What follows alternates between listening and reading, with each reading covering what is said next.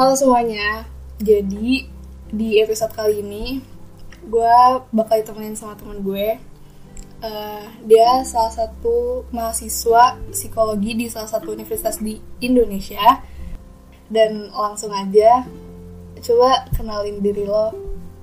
Halo semuanya, kenalin nama gue Safa. Gue itu salah satu mahasiswi psikologi di perguruan tinggi di Jawa Tengah lebih tepatnya ya tadi aku pengen memperjelas.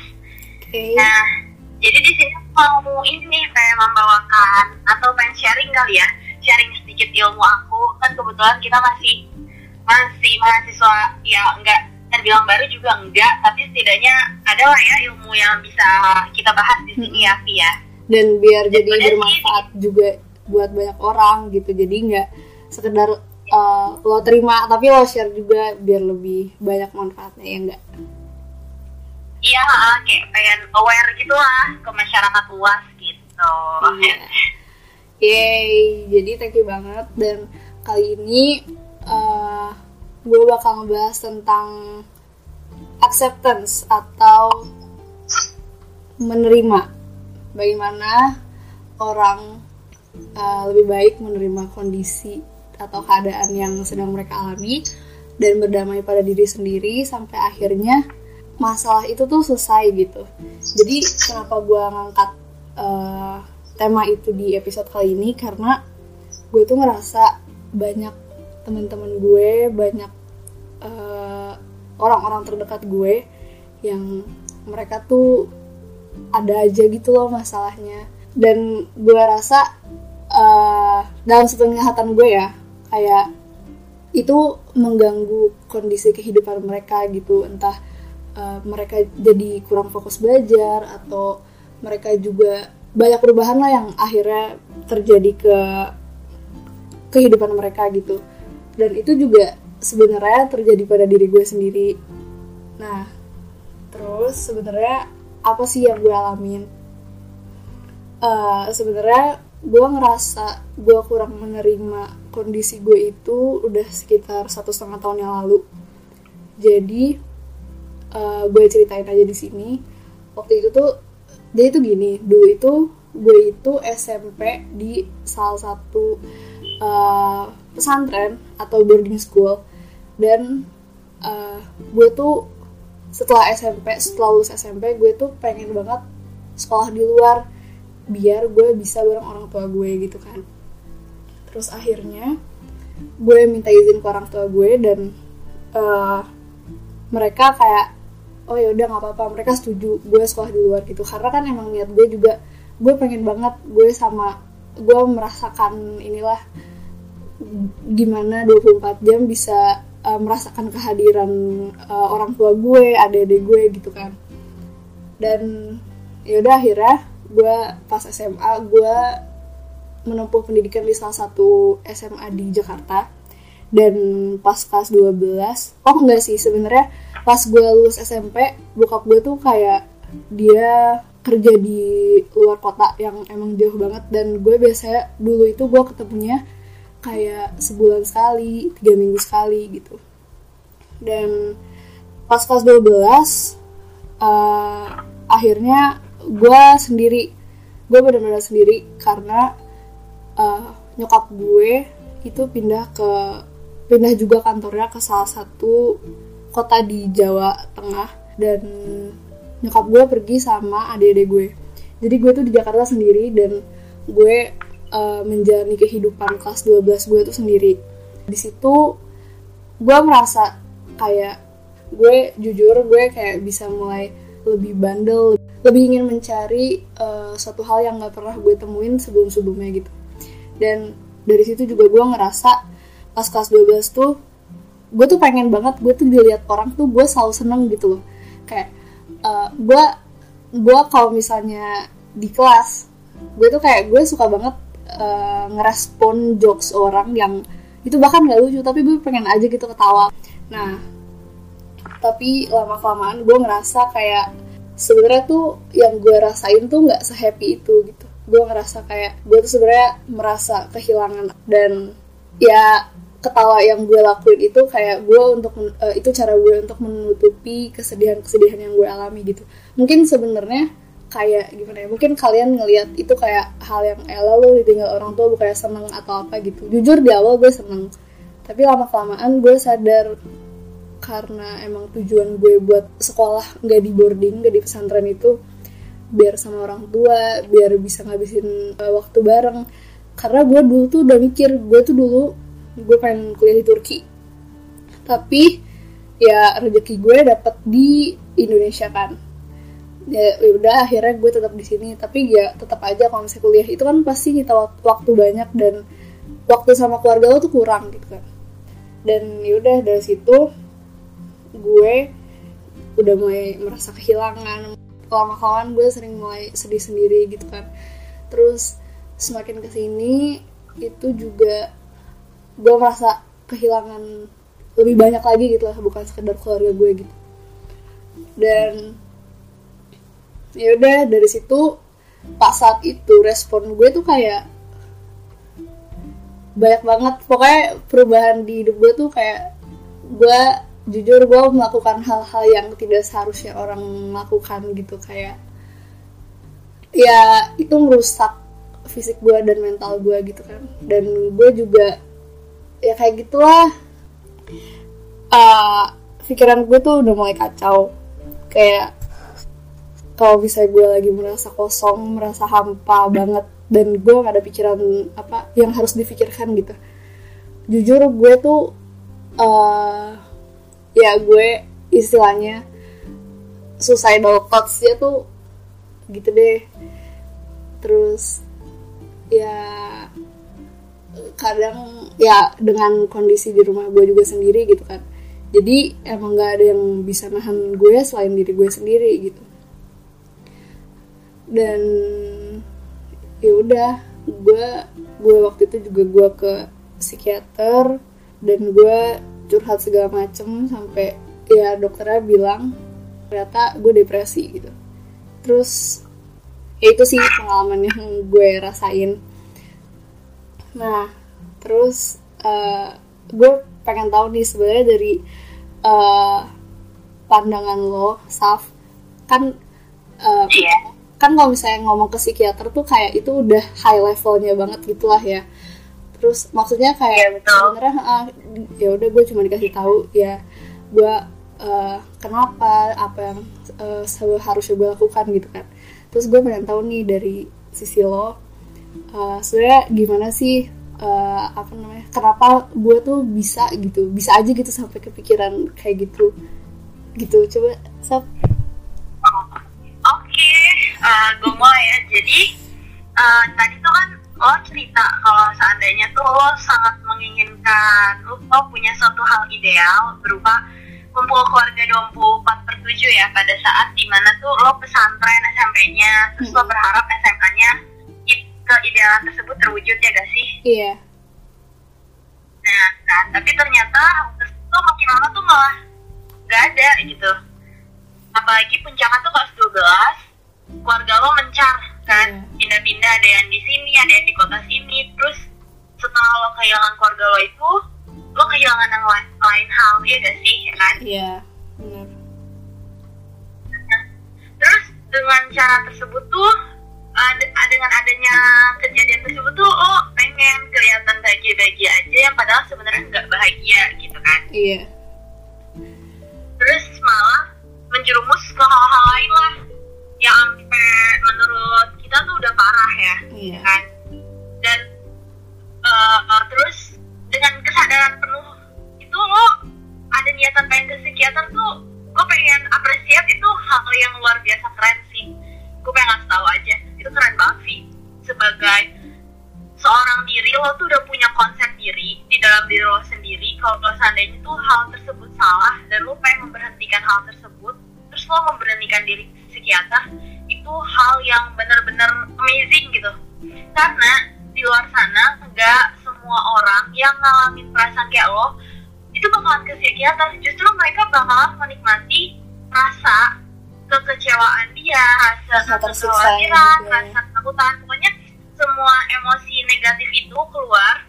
nah itu mereka bakal nikmatin dengan cara hal-hal yang udah di luar batas gitu kan. Terus Hmm. kalau diajak ke psikiater ataupun psikolog ataupun ahlinya mereka tuh bakalan kayak nggak mau aku udah aku udah berada di tahap ini aku justru nggak mau uh, pengen diberhentiin. Tuh juga kayak nggak mau gitu. Mereka bakalan nolak. Jadi gue pengen ngomong sama lo Vi. Lo itu udah keren banget gitu. Thank you. Dan tindakan lo tuh keputusan lo untuk datang ke situ juga itu nggak masalah nggak apa kok. Terus aku mau ngebahas soal kenapa sih kok bisa kayak gitu ya kan ya? Mm-mm. kayak kok gue bisa uh, sampai ngelakuin hal kayak gitu? Itu kan yang lo yang lo pertanyakan ya? Iya. Yang pertama eh, itu dulu sih kayak kita itu kan masih masuk ke tahap perkembangan dewasa awal ya Vi Mm-mm. itu emang lagi krisisnya banget dari remaja pengen pindah ke dewasa ke masa dewasa. Jadi gimana cara kita meninggalkan tahap dewasa tapi dengan cara perlahan meninggalkan kebiasaan-kebiasaan di masa kanak-kanak kayak eh, kan itu mimpi lo semasa SMP ya kan? Mm-mm. sedangkan itu realisasi realisasinya pada saat SMA iya. SMP kan masa-masanya pubertas ya baru-baru pubertas itu remaja. Mm. tapi baru terrealisasi di dewasa awal. Jadi kayak ada suatu kebentrokan gitu loh kayak ada konflik perkembangan yang di mana tuh emang beda itu cita-cita remaja tapi baru direalisasikan pada masa dewasa awal yang di mana tuh hmm, kayak eh, gue itu seharusnya tuh dewasa awal bukan sama keluarga lagi. Gue tuh udah dapat kepercayaan penuh. Gue harus punya otoritas penuh untuk bisa ngelakuin banyak hal gitu loh. Ngerti gak sih? Ngerti ngerti ngerti. Ya gitu kayak eh, kan itu keinginan lo waktu SMP gitu Iya. kan. ya emang eh, walaupun lo ngomong walaupun lo ngomong ya ya semoga nanti SMA bisa bareng keluarga tapi kan lo sebenarnya pada saat itu kan lo maunya untuk Iya. sama mereka ya kan iya benar Nah, iya, itu, nah itu pertama. Jadi kayak singkatnya tuh, eh, iya realita nggak sesuai sama ekspektasi lo. Tapi kalau saya diperdalam lagi, itu ada hubungannya sama masa perkembangan. oke Terus abis itu, yang kedua itu, kenapa lo bisa nyampe ngelakuin hal di luar batas wajar? Pertama lo mengalami emosi yang bergejolak dulu kan Mm-mm. lo nggak bisa menerima kan ah apa kayak kok gini sih nggak sesuai sama ekspektasi gue kayak itu ya itu hal yang wajar sih karena setiap orang pasti mengalami kekecewaan gitu Hmm. kan tapi gimana sih caranya biar kita bisa mengatasi itu dan menerima hal tersebut ya Mm-mm. yang pertama ah, lo sekarang gue pengen nanya dulu nih oh, lo kalau seandainya ngasih saran ke sahabat itu rasanya lebih gampang gak sih kalau ngasih saran ke diri sendiri? Iya jujur ya. Ya kan? Iya. nah itu ternyata ada loh penelitiannya. Oh ya apa? Itu tuh ada uh, penelitian oleh Profesor Christine Neff di Universitas Texas. Oke. Beliau itu nyampain kalau ya tuh manusia pada dasarnya memiliki sistem di otak untuk merasakan simpati ke orang lain. Nah, kata dia gitu kan. Hmm. Nah, terus masalahnya apa di sini? Masalahnya itu pada saat diri kita sendiri yang punya masalah, itu sistem di otak kita untuk memberikan simpati itu nggak nggak ada sih, oh ya nggak nyala. oke Iya. Justru yang nyala itu adalah sistem kita untuk fight akan konflik itu, maksudnya kekecewaan atau kecemasan itu, ataupun fight. Jadi fight itu maksudnya kita akan melawan, atau kita mending kita kabur aja dari masalah. Nah, di situ tuh eh, gimana caranya si Chris Profesor Neff tuh ngasih tahu kalau seandainya lo mau mendapatkan self acceptance di dalam diri, itu lo kayak memposisikan diri lo sendiri itu sebagai orang lain. Susah nggak sih? banget Ya kan? iya Ah, terus terus gimana sih caranya? Yang pertama adalah yang pasti self love. oke Nah, kalau self love sendiri, menurut lo gimana nih, Vi? kalau uh, menurut gue self love bisa dimulai dari hal-hal terkecil sih kayak ya kayak lo menikmati uh, waktu-waktu kayak gini dengan apa sih menghibur diri lah itu menurut gue udah terhitung self love gitu daripada lo harus memaksakan diri lo untuk melakukan sesuatu yang sebenarnya lo tuh enggak deh gitu gitu Nah, berarti kan posisinya tahu kan apa yang apa yang diri lo mau dan apa yang diri lo nggak bisa lakuin ya gak Hmm, sih? Ya kan iya. itu namanya self love kan. Heeh. Nah, self love itu tuh berasal dari mana? Ya berasal dari lo itu punya konsep diri gitu. Konsep diri itu biasanya terbentuk pas kapan sih? Yaitu pas masa dewasa awal. Jadi lo punya konsep diri di- yang di mana tuh lo tahu kelebihan sama kekurangan lo, terus abis itu lo jadi tahu, oh, gue harus menghindari ini nih, gue nggak bisa lama-lama di sini. Ini bukan bukan saatnya gue untuk mendapatkan tuntutan seperti ini, kayak gitu gitulah. Hmm. Itu namanya self love kan. Hmm. Nah dari situ kalau lo self love itu lo makin bisa untuk memposisikan orang lain sebagai diri lo sendiri. Wah gimana ya? Diri lo sendiri sebagai orang lain gitu. Jadi kayak eh, misalkan gini nih, Vi. Eh, gue dihadapi oleh masalah A nih. Lo lo sebagai sahabat gue yang menghadapi masalah A itu. Terus gue Hmm. mikir kalau seandainya Alfi dapat masalah A ini, kira-kira apa ya saran apa yang bisa gue kasih ke Alfi biar Alfi tuh bisa tenang gitu, Hmm, iya. biar Alfi tuh bisa jalani hal tersebut gitu. Nah itu gimana? Itu yang dimaksud sama si Profesor Christine Neff itu gitu. oke Iya. Terus abis itu eh, ya aku juga mau tegasin juga kalau seandainya eh, udah udah ngalamin hal-hal yang gak wajar sampai kita melakukan satu tindakan yang melukai diri sendiri itu sebenarnya udah harus banget ke yang ahlinya kan Hmm. karena emang saran tuh udah gak mempan ataupun ditemenin orang sekalipun pun sebenarnya udah gak mempan ya gak sih karena Jujur, pada iya. saat orang tersebut gak ada kita kita kayak gitu lagi kambuh ya gak sih bener-bener kayak ya udah gak ada orang yang ngeliat gitu kan. Terus akhirnya ya gue merasa hal itu uh, bisa terjadi lagi dan akhirnya gue lakuin lagi jujur ya kayak gitu. Ya kan kayak gitu kan. Nah itu tuh eh, pada saat eh, sifat kambuhan itu terjadi karena emosi lo bergejolak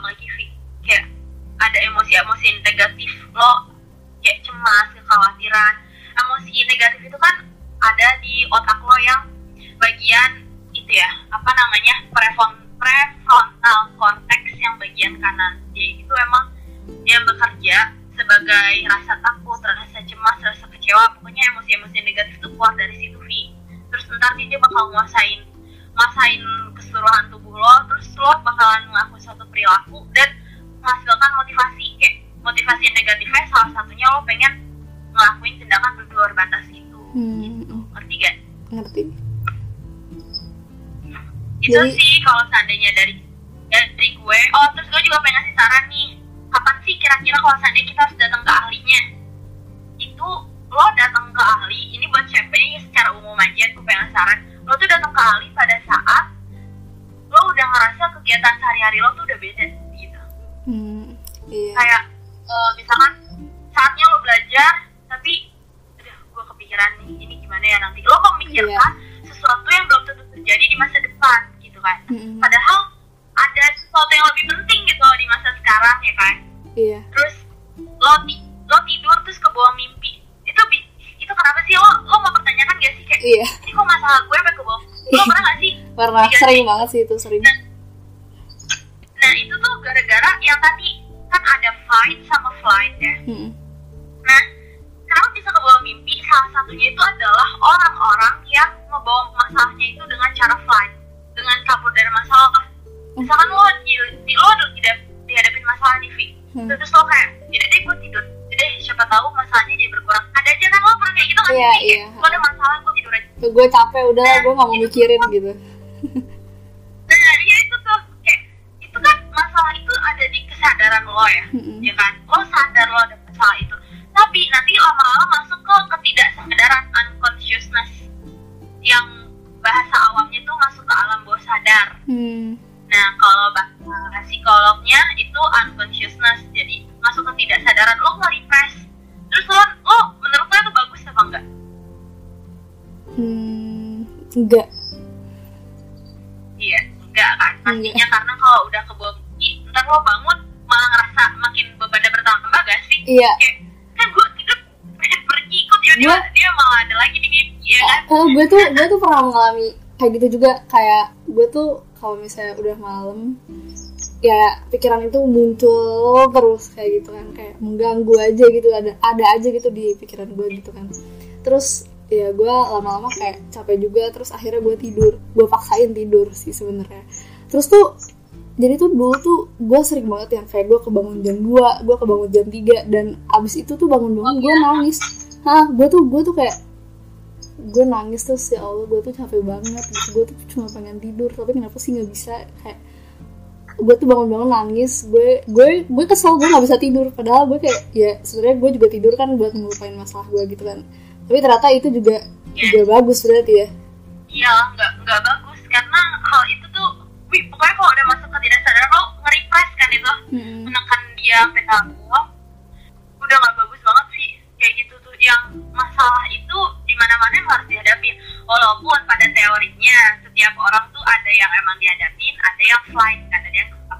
masalah Hmm. gitu.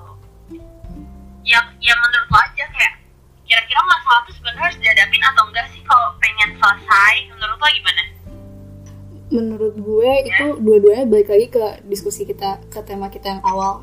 Kayak kalau misalnya emang lo pertama emang harus menerima dulu sama kondisi lo dan dari menerima itu lo bisa berdamai akhirnya sama apa pun yang lagi lo rasain kayak gitu-gitu ya nggak sih berarti ya kita menghadapi kan terus kayak ah, kita rasain dulu nih kita rasain dulu masalah itu gimana. Kayak hmm, oh gini rasanya oh iya em, emosinya tuh rasain aja Vi. Kayak gue kesel terus misalkan gue cemburu gue Hmm, takut gitu kan. Iya. Rasain aja. Terus lo nikmatin karena emang kadang tuh emosi lo sendiri kan yang ciptain. Ah, ah, kayak bener. gue berekspektasi begini tapi ternyata secara realita ya. Yang nyiptain ekspektasi ekspektasi siapa ya? Kita kita sendiri ya? sendiri. Ah. nah lo um, nikmatin dulu tuh nikmatin bentar.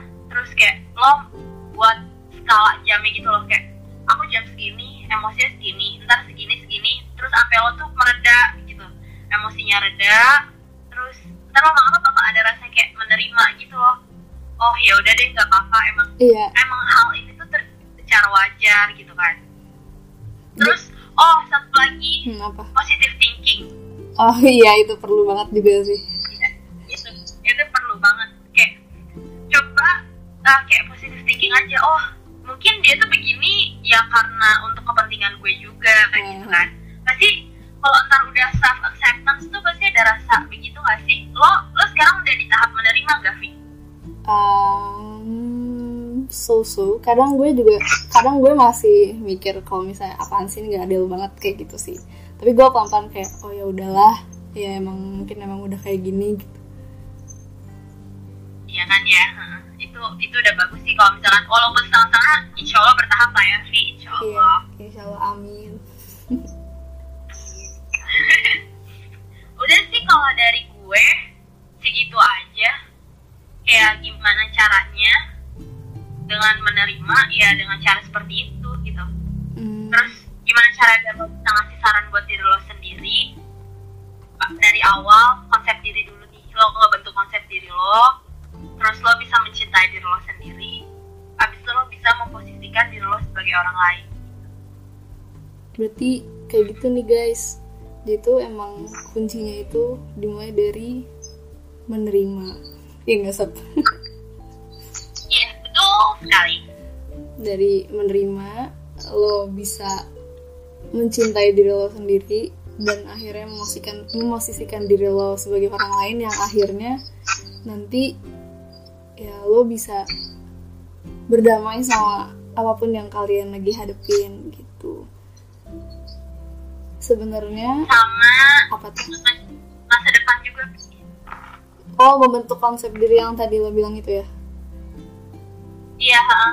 terus sama jangan mencemaskan masa depan Oh, Oke, jangan mencemaskan masa depan. Oh iya sih, itu sih itu seumuran kita yang kayak paling dipikirin banget gitu gak sih kayak, Iya. aduh gimana nanti Iya. gue kerja gini gini gini, terus gimana nanti? ya tuh eh, itu penting banget sih kayak eh, misalkan lo mikirin masa depan kayak besok gue eh, gimana ya besok gue pengen main tapi gue nggak ada baju.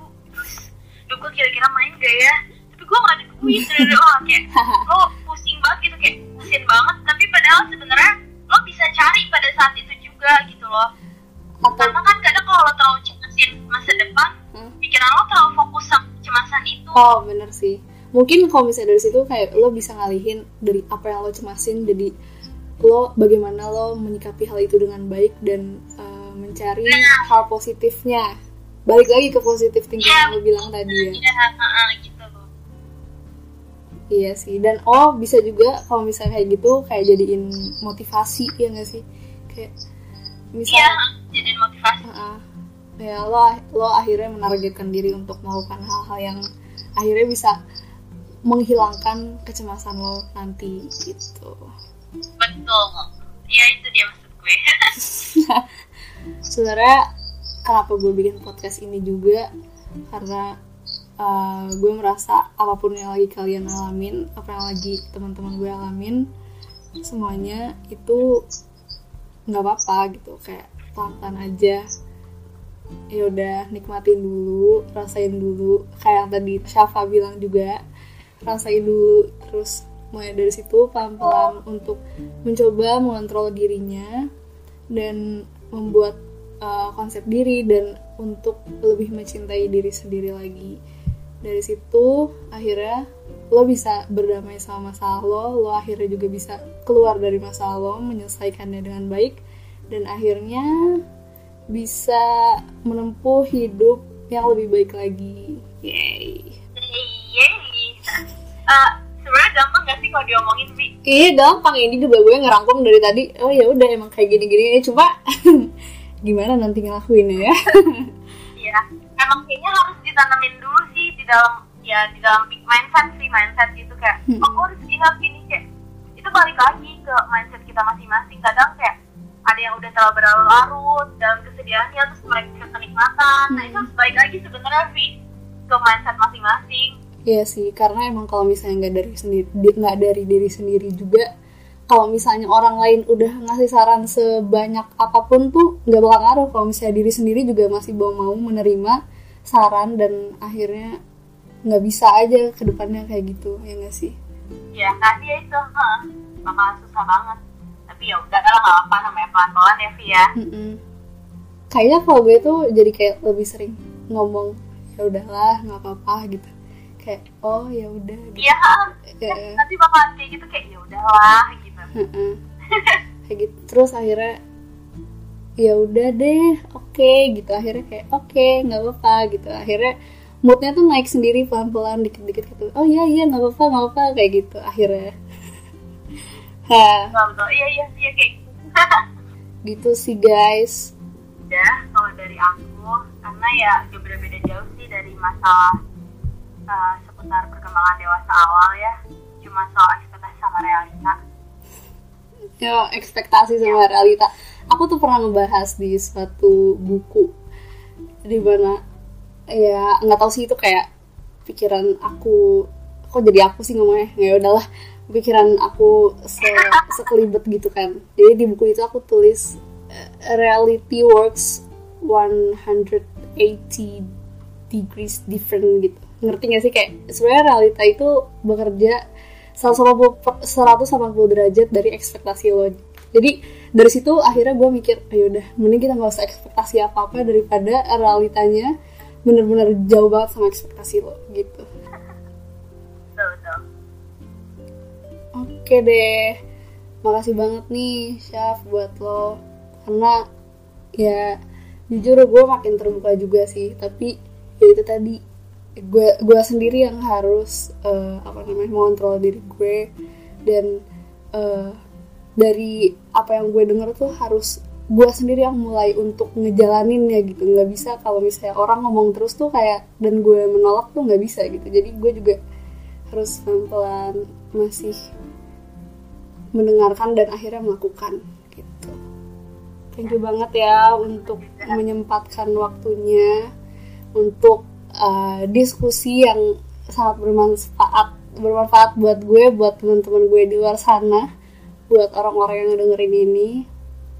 Gue yakin kita semua bisa ngaluin ya. Oke. Eva ada yang mau disampaikan lagi nggak? Kalau dari aku sendiri udah uh, makin kenalin diri kalian juga. Kita semua harus semakin mengenal diri kita setiap harinya sih itu harus banget kayak oh ada yang salah sama gue sedikit nih gue kenapa terus Hmm. evaluasi diri terus kayak hmm, kok udah ada yang beda nih terus apa langkah yang harus gue lakuin selanjutnya itu juga harus udah tahu seharusnya gak apa-apa kan namanya juga manusia tiap hari tiap belajar tapi kita juga harus terus evaluasi diri itu penting banget sih kalau dari aku ya Hmm, iya. Ya udah, eh, mungkin segitu aja buat eh, episode kali ini. Gue harap eh, ini tuh bisa kalian terima pelan-pelan, meskipun pelan-pelan dan meskipun kalian juga masih eh, yang merasakan emosi yang lagi kalian hadepin, keadaan-keadaan sulit yang lagi kalian eh, alamin gitu. Dan gue harap eh, ini bisa membawa kebaikan buat kalian juga biar akhirnya kita semua bisa ngelewatin ini semua semoga tetap sehat semuanya. Semoga semangat terus semuanya biar kita selalu hidup bahagia. Yay. Amin. Amin. Oke segitu dulu ya guys. Segitu dulu chef thank you banget buat kalian yang udah dengerin. Eh, kita tunggu di episode selanjutnya. Dadah. Dadah